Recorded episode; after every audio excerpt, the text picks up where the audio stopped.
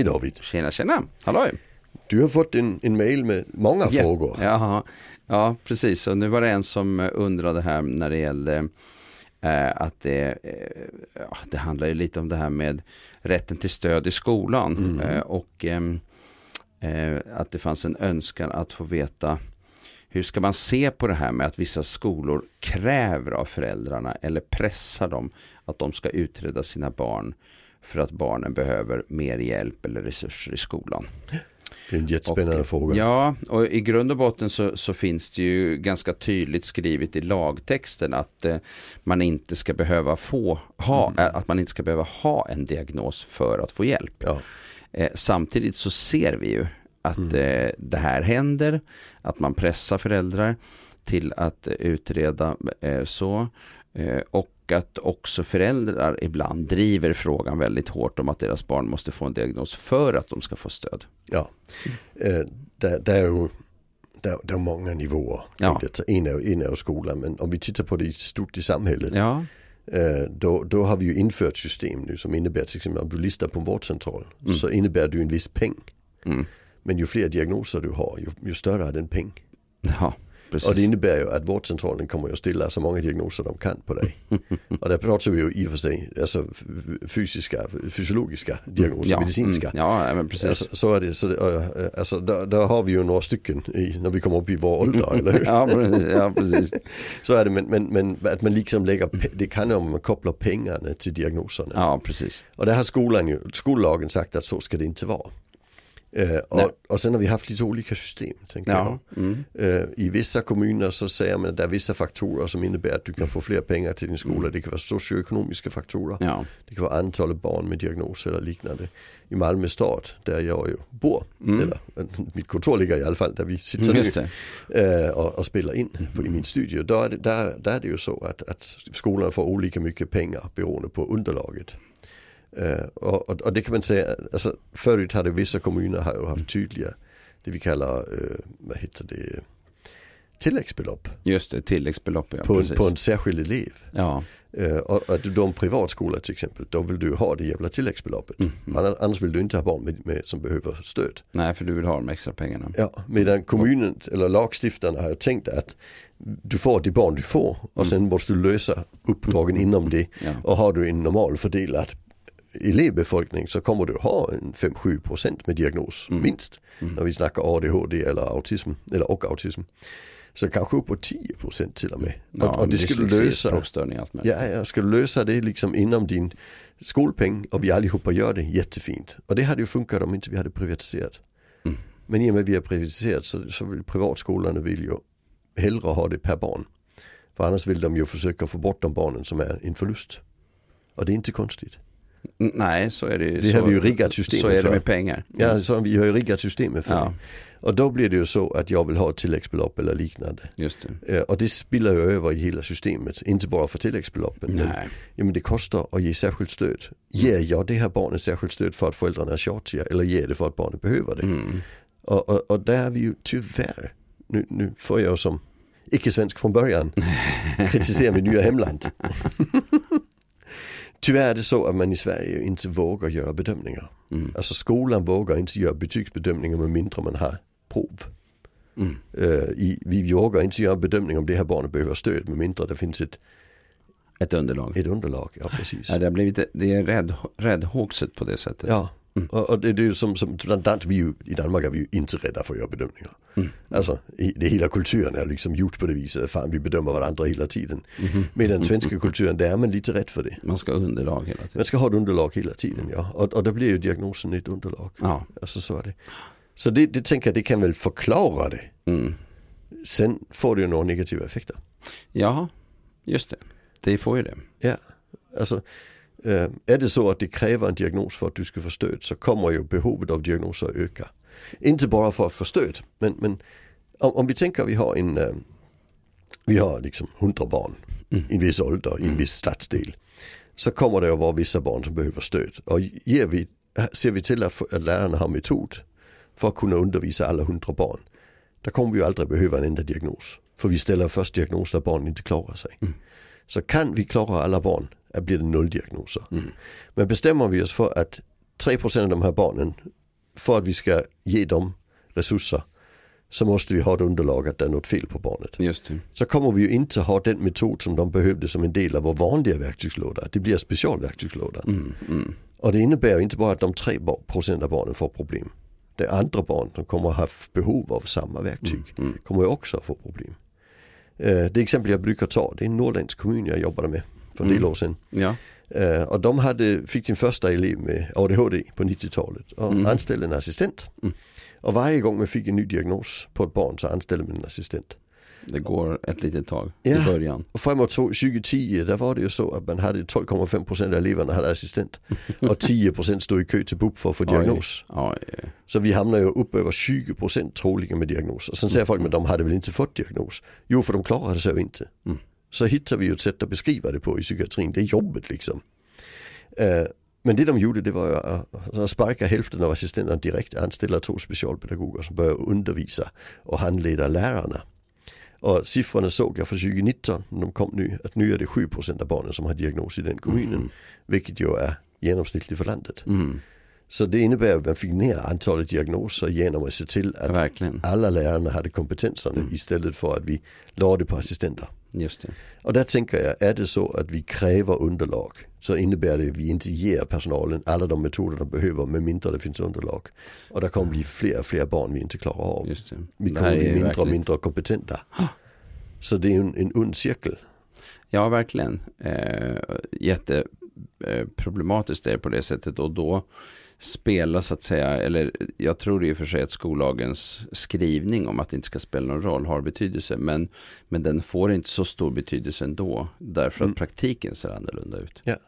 Ja, och kopplar vi just pengar Ja, till det så kommer det ju att, att vara så att vi kommer få den här negativa utvecklingen. det. Så vi borde ju i princip plocka bort allt vad som heter tilläggsbelopp och liknande. Eh, och sen skulle man inte, alltså man får ju inte säga nej till en elev på grund av svårigheter. Det, men, men det ser vi ju att men på olika sätt får man ju förklara för föräldrarna att de bör hitta en annan skola. Ja. Eh, och, och, och det borde man ju, det borde man ju lösa. Och min lösning är väldigt enkel. Eh, ta bort marknadsskolan. Men det är ju inte alla som tycker som jag i den frågan. Nej, precis. Och där bör man ju Nej, hitta det- ett annat, annat sätt. Mm. hela lösningen heller. Men, Mm. men, eh, nej, men det här är intressant och eh, eh, där kan man säga att, att eh, alltså alla är ju rätt överens om att eh, skolan har så att säga blivit eh, svårare och svårare. Alltså Lgr 11 som kom då 2011, Mm.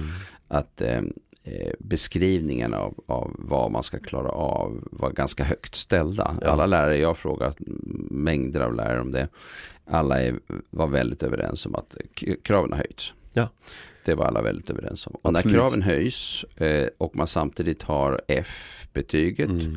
och man samtidigt har två skolformer och eh, man samtidigt har eh, både kommunal och privat sektor så att säga inom skolan Mm. och man har betygsinflation och allt möjligt. Då får man liksom en ganska rejäl soppa helt enkelt Ja. som är problematisk. Och eh, eh, här finns det säkert inte en sak som behöver göras. Man behöver nog göra allt möjligt. Men eh, eh, just det här med att kraven är så högt ställda Mm. eh, och att eh, för läraren blir det ju så att säga enklare om det är så att jo men jag har kämpat men den här eleven har faktiskt en diagnos. Ja. Eh, det blir någon slags lite så här lättare liksom ändå. Eh, Mm. Och sen så vet man att det är lättare att få loss pengar om Mm. det är så att det finns en diagnos. Ja. Fastän det är sagt att det inte ska behöva vara på det sättet. Men det är också en risk att det blir en ursäkt för att inte barnet lär sig. Och då, då tappar man i kompetens. Så att, eh, och särskilt det här vänta och se mentaliteten som vi har sett är ju väldigt förödande. Ja. Nu hade vi ju en, eh, en fråga som handlade om är det okej att skolan pressar föräldrar egentligen? Fanns det ju också med i det här för att man ska få stöd. Och eh, då kom vi in på också en helt annan del som jag tänker att vi också ska, ska prata om i det här. Och det handlar ju om hur blir det när föräldrar, i de fall eh, föräldrar går med på att göra någonting som de egentligen absolut inte vill eller tror på. Mm. Nu är det ju alltid föräldrar som bestämmer Ja, om de ska göra en utredning ja. eller inte. Ja. Men de kan ju pressas till det. Och då kommer man ju också till en intressant fråga. Hur blir det när man så att säga pressar föräldrar att eh, göra någonting som de inte vill eller tror på? För då är ju frågan hur det landar sen, själva resultatet. ja. Det, För det, vissa kanske det kan landa bra, men, Mm. men det finns ju också ett problem. Alltså, all vård bygger på frivillighet. ja. Och nu blir det plötsligt vård som inte bygger på frivillighet. Vi har ett danskt begrepp som heter frivilligt tvång. Frivilligt tvång. Det betyder att eh, det är frivilligt men om du inte gör detta då. Då, ja, just det. det är inte så mycket frivillighet med andra. Nej, men, Nej. men det blir ju lite på det viset i den Ja, situationen. det är Alltså, villkorat helt enkelt. Ja, alltså jag, jag tycker vi ska lägga korten, korten på bordet här och säga Ja. att jag har ju sysslat det mesta av mitt eh, yrkesliv med personer med diagnos. Ja. Och du har ju faktiskt inte det. Eh, Du nej, jobbar jag, mycket mer i det normala. ja, jag jobbar ännu mer i det normala. Men Ja. jag har ju hela tiden jobbat, eftersom jag samordnare i 14 år för, Ja. för diagnossättande team, så har jag Mm. jobbat med det. Däremot så har jag jobbat lite närmare mitten egentligen Ja. ändå. Eh, så. Men, eh, Men, men det jag tycker är spännande med det, det är ju att, att när vi, kom, vi kommer lite olika ställen ifrån. Ja, så är det. Eh, Men, men jag skulle ju säga att i den bästa världen behöver vi inte diagnoserna. Nej, så är det ju förstås. Det är vi ju ändå överens om, eller hur? absolut, absolut. Så skulle vi kunna undervisa alla barn utifrån den lagstiftning vi har utan att behöva ta till eh, att, att beskriva så skulle det vara perfekt. Mm. Ja, det är Nej, det viktigt att säga för det finns ju folk som tror att men, eh, neuropsykologerna som jag, vi vill bara ställa diagnoser. Mm. Men, men, men jag tycker det är viktigt att säga ju färre som får diagnos ju bättre. Men alla ska ha det stöd de behöver. Ja, det är ju det. Och, Mm. och i grund och botten så handlar det ju om att diagnosen ska ge information till till exempel vuxenvärlden då i, i, i relation till barn och ungdomar. Att det här är en person som behöver något särskilt. Det är Mm. inte bara som för de flesta. Nej. Det behövs stöd, det behövs hjälp och så. Sen är det klart att det blir lite speciellt just när det gäller ADHD kopplat till det här med medicinering. Mm. Men för de flesta diagnoser finns det ju inte någon medicinering. Nej, Autism, precis. Mm. dyslexi, språkstörning, intellektuell funktionsnedsättning. Det är ju ingen medicinska, Nej. Inget medicinskt som eh, lösning på det. Och där kan man säga att då blir ju för dem, där blir ju diagnosen ett sätt för samhället att organisera sig. Ja, och att fatta att här behöver vi göra någonting extra, någonting Ja. särskilt. Inte bara att de ska skärpa sig utan här, här Ja behöver precis. Men de som inte har diagnos förväntas bara behöva skärpa sig. Det, det måste det. vi ju säga. Mm. Och de som inte kan, då har vi då en diagnos. Det är liksom så vi tänker. Och det innebär ju högre krav vi ställer, ju fler barn kommer att få en diagnos. Mm, mm. Eh, rent tekniskt var det så att i 92-94, där fick vi ju en tiodubbling av antalet barn som kunde få en autismdiagnos. Ja, med DSM 4. Och ICD-10, ja, de två Ja. diagnosmanualerna. Och det gjorde vi ju för att, att, att, eh, det var behov för det. Ja, Samhället hade blivit mer komplext. just det. Och det vi har gjort nu med senaste revideringen som ju heter DSM-5 och Just det. ICD-11. Mm. Det är faktiskt att vi försöker strama in lite för det blir lite för luddigt i kanterna. Så det blir kanske lite för många som fick diagnoser. Så nu försöker vi strama in lite grann och sen får vi se hur det går. Och då låg eh, autism på typ 2,6 procent. Ja, man i- var, var det så? Alltså de, de studier som är gjorda på kriterierna i, Mm. i, i de diagnosmanualer vi har lämnat. Mm. Där, där, där ligger de ju på 2,6. Mm. Och vi har ju i Stockholms stad till exempel är vi ju på den nivån och till och med lite över. Lite över ja. Medan på landsbygden ligger vi ner mot 1%. Mm. Mm. Eh, Men, men i, i de nya där är det tanken vi ska inte över de här 2,6. Eh, Så är det. Nej, på sina håll är det långt över. Och då, Mm. det, då är då ibland som det diskuteras om det är en överdiagnostisering. Och sen så finns det andra som också tydliggör att det finns en underdiagnostisering eftersom det finns de som, som går omkring med alla möjliga typer av funktionsnedsättningar som faktiskt Ja. inte är diagnostiserade.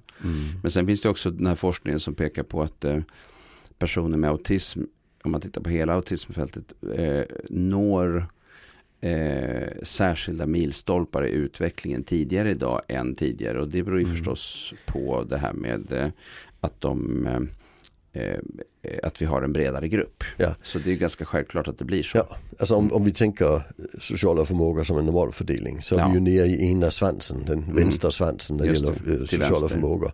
Och där har vi ju satt ett snitt och Mm. idag ligger det vid 2,6 procent. Men det betyder inte att alla med 2,6 ska ha en diagnos. Utan det ju kanske så att en del av dem faktiskt klarar sig. Mm, mm. Kanske för att de har lite bättre stöd hemifrån och från skolan och bra Mm, mm. lärare. Ja, De ska inte ha diagnos. Så Mm. i, i den bästa världen är ju även de som är under gränsen diagnosfria. För att de har bra, bra liv. De, vi behöver liksom inte anpassa mer än vi redan gör automatiskt. nej. Eh, Men i den sämsta världen när vi stramar in och säger att du får bara stöd om du kan dokumentera ett behov. Där kommer vi ju gå över gränsen och där kommer vi ju vid nästa diagnosmanualsbeskrivning kommer vi att behöva öka gränsen igen. Mm. För om diagnosen är nödvändig för att få det stöd du behöver, då kommer andelen barn med diagnos att öka. Ja, och då är det intressant att eh, det finns en risk då att eh, när vi efterfrågar diagnoser hela tiden i allt för stor utsträckning på barn så, eh, så um, minskar möjligheten till att eh, hitta till den egna kompetensen. Ja, precis. Och det är ju jättespännande för man kan ju då tänka sig att eh, om vi ställer den här, eh, eller om vi har den här eleven som får en ADHD-diagnos eller en autism eller någonting annat. Eh, då vet vi vad vi ska göra och då sätter vi in de insatserna. Mm. Men grejen är den att de flesta lärarna vet ju redan vad det är för typ av problematik ja. redan innan. Eh, och, ska de, eh, och då kanske man har tappat två, tre år ibland i värsta fall. Mm. Därför att det är kö och därför att det är återlämn. Eh, och sen när eleven kommer tillbaka då får de i alla fall inte riktigt det där stödet. Därför Nej. att man har inte utvecklat en kompetens för att ta hand om de här typerna av Nej, saker. Ja. Så att det, det är, en, det, ja. är väldigt knepigt. Mm. Jo, vi har också en mekanism som jag har sett ibland. Äh, vi, vi kallar det minste ingreppsprincipen. Ja. Eh, och vi kallar det ibland stegvis vård i psykiatrin. Alltså där vi säger att vi börjar med en liten insats. Räcker inte den så ökar vi, räcker inte den så ja. ökar vi, räcker inte den så ökar det. Och det innebär då att, att familjerna upplever ju att skolan har inte gjort tillräckligt bra i de första fem stegen. Mm.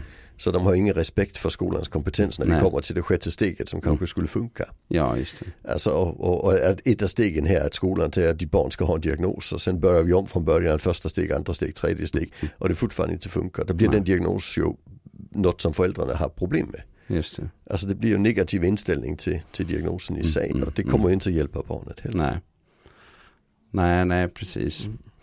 Ja, nej, det, det, är en mångfacetterad eh, bild där. Den, den diagnos som dock inte har ökat lika mycket som autism, ADHD, dyslexi, språk, andra sådana där.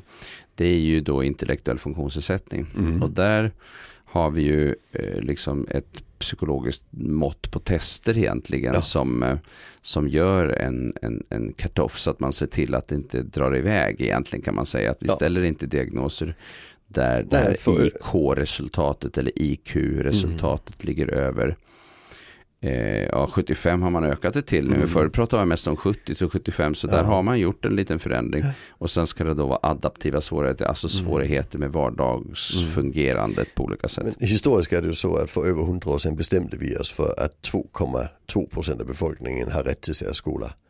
Eh, och så är det ju fortfarande. Alltså det är 2,2 procent, det bestämde vi bara. Ja, nu är det ungefär 1,3 procent som, som går i har det. Därför ja. att man måste ta hänsyn till de adaptiva svårigheterna ja, också. Men, men, men i verkligheten men statistiskt så, så är statistiskt 2,2. Mm, och är det sen att vi bara hittar 1,3 så är det ju spännande. För det innebär att det är en underdiagnostik i det fältet. Det skulle det kunna vara men, ja. men eh, det är också det att man skulle också kunna tänka sig att det finns en del av dem som har bättre adaptiva ja. förmågor egentligen. Men de kommer inte att uppnå ett E. Men, men det kommer att vara svårt i skolan ändå. Ja. Men sen så har vi hela den här gruppen som, som ligger i, i nästa, liksom mellan en standardavvikelse och två standardavvikelser. Ja. Alltså IQ 70 är ju 85, eh, två ja. standardavvikelser under genomsnittet, ja. alltså 2, någonting procent. Um, och sen så har vi de här 14 procenten som ligger i det andra spannet. Mm. De har ju också svårt att gå i, med skola med. Ja, de, klar, de klarar sig inte vidare till gymnasiet som det ser ut idag. Nej. Och, och där, eh, eh, det, många i alla fall gör inte det. Mm. Och där, eh, eh, där kan man ju säga att de här gränserna eh, mm. ser till att det inte är 14 procent som har diagnos i det fältet. För att vi skulle ha jättemånga eh, då eh, eh, som hade diagnos om man så att säga mm. släppte mm. på det där och, och ja. lät det skena lite. Men, men eh, när vi införde betyget F ja. och, och behöll de två skolformerna så, mm. så dömde vi ju de 14 procenten till att inte klara sig. Alltså grejen var ju den att de hade gjort eh, bedömning att det absolut inte kan vara mer än 2 procent som landar i ett F på Mm. de här kärnämnena och nu är vi uppe i 14 procent Ja, eller något liknande. Och det var det, ju det var ju en rakt igenom en felbedömning. ja. Och, eh, det, och jag vet inte hur den gick till ens en gång. Eh, Mm. Så den kan ju, hade det man gjort, det kanske inte ens gjordes, det kanske var fingret i luften lösning liksom. Eh, men, eh, eh, men att vi fortfarande har det systemet trots Mm. att vi ser gång på gång att det är så många som misslyckas. Ja. Det, är ju fort, det är ju obegripligt måste jag säga. Precis, och där vissa säger att vi ska ta bort icke godkänt betyget.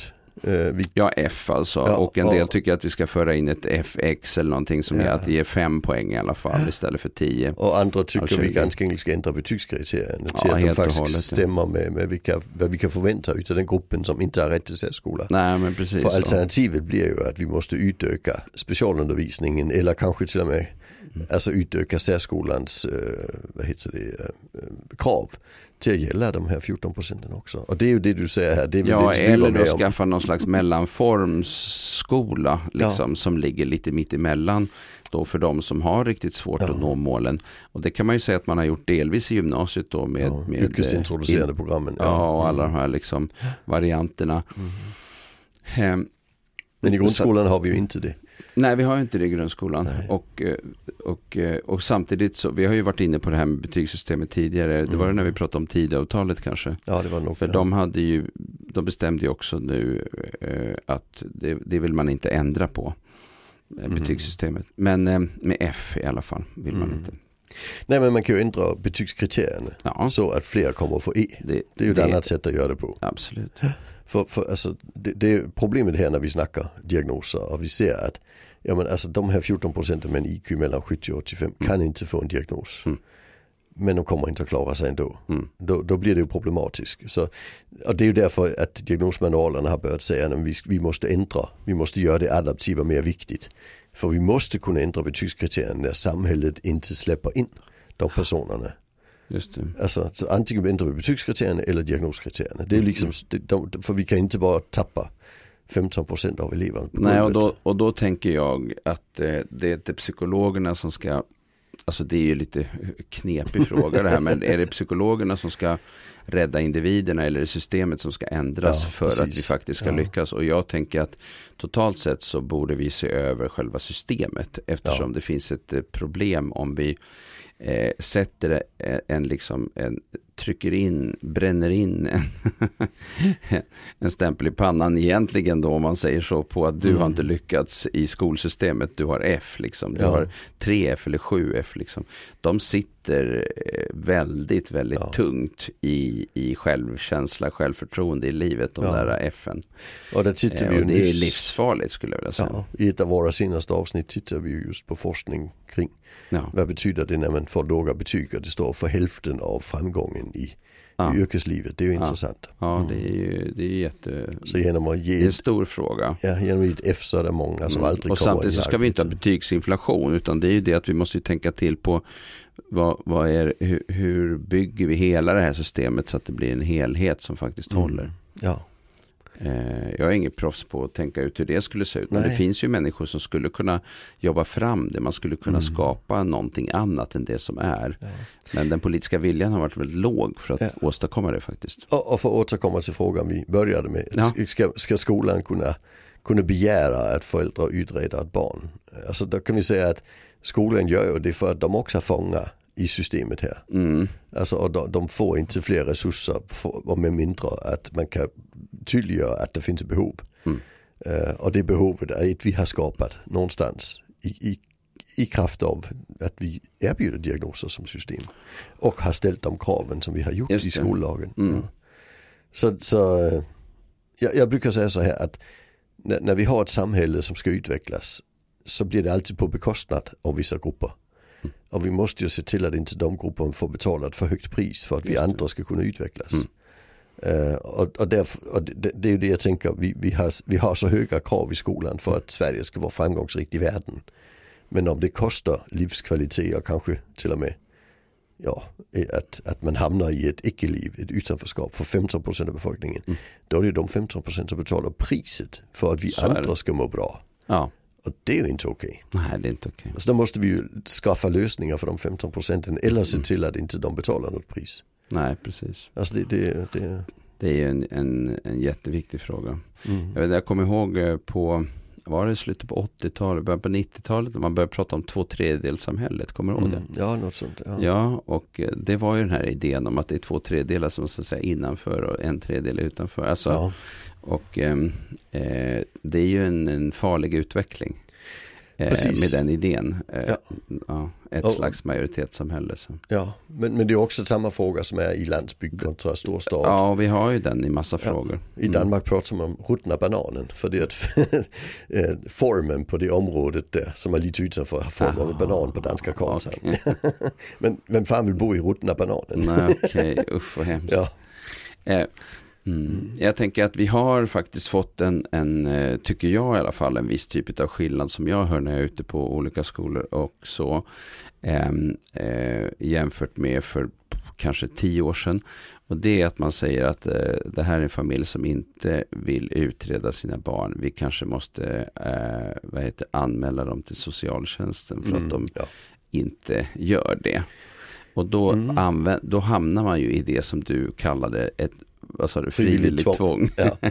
Men, Faktiskt. men jag måste ju erkänna att ibland har jag sagt samma. Ibland måste vi ju faktiskt det. Alltså, för, för att det finns särskilda skäl. Och då Ja, men kommer vi alltid vara- till den här frågan om när. Ja, det skulle vara ett lidande. Det ska vara ett riktigt Alltså lidande. upplever vi att här har vi ett barn som verkligen har ett lidande. Ja.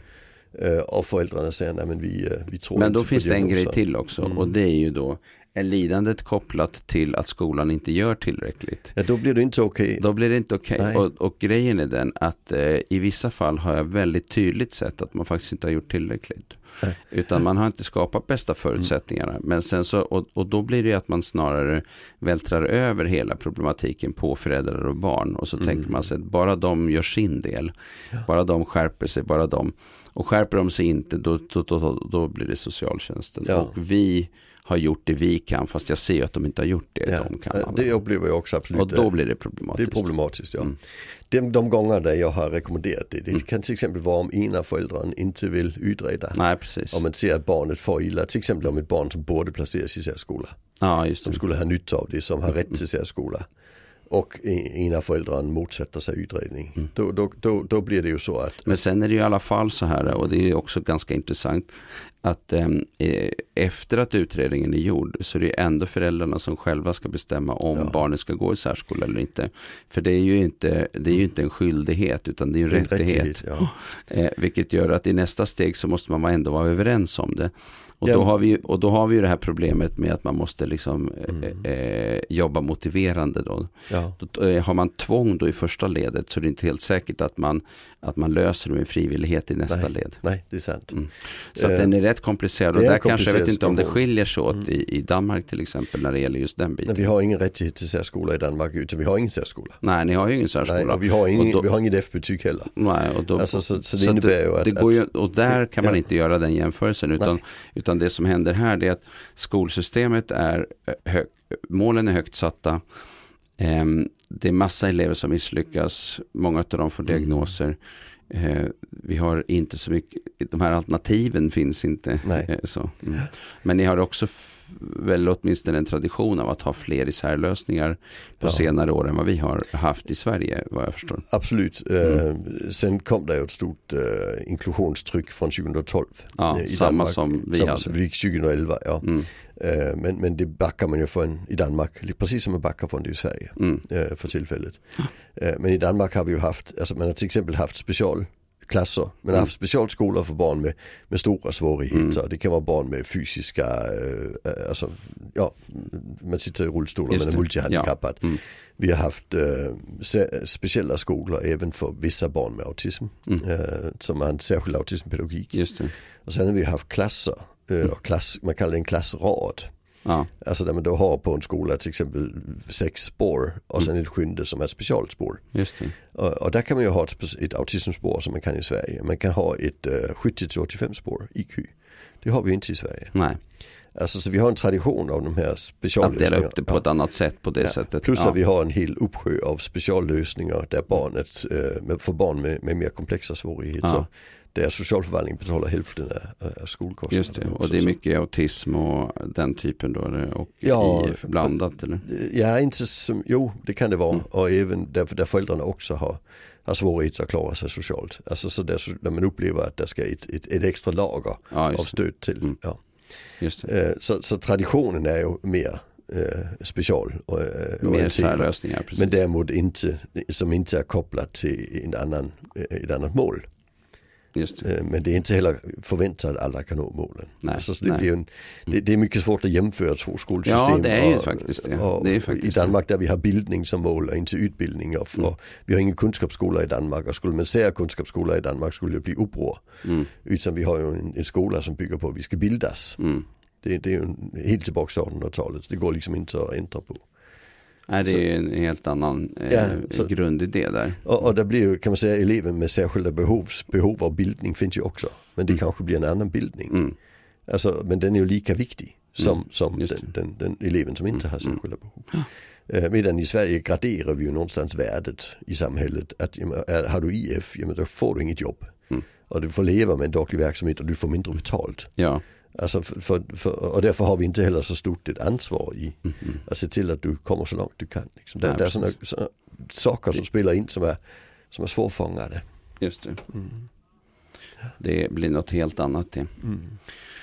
Ja, ett stort eh, område. Ja. Eh, så, inte så att vi har kommit fram till någonting rakt upp på det. Men, men det är ju det här att man behöver liksom eh, vända och vrida på de här sakerna. Ja. För de är väldigt komplexa. Men, men, men, men jag tycker ändå vi kan säga att vi är ju överens om att, att behövdes inte diagnoser var det ju bäst. Ja, så är det ju Eh, verkligen. Och, Och, och, och, och skolan ska inte kräva en utredning för att sätta in stöd. Det är vi också överens om. det, det är helt det är såklart. Och då, så står det till och med i lagen. Ja, Och eh, eh, jag tycker att det är en väldigt problematisk utveckling som vi har sett. Och särskilt också den här vänta eh, tills utredningen är klar mentalitet innan vi gör något. Den Oh ja. är ju helt förödande. ja. Så att eh, minsta tillstymmelse till att det finns behöver man reagera på och eh, eh, tydliggöra. Och sen ska vi kanske säga att det är ingen som får sämre inlärning av att vi har specialpedagogiska metoder. Nej, Nej, så det, kan vi, det, det, det, är, det är ingen risk att sätta igång med det. nej, nej, Det är viktigt. nej, precis. Jättebra. Japp, tack för Ja, idag. tack. Ha det bra. Hej då.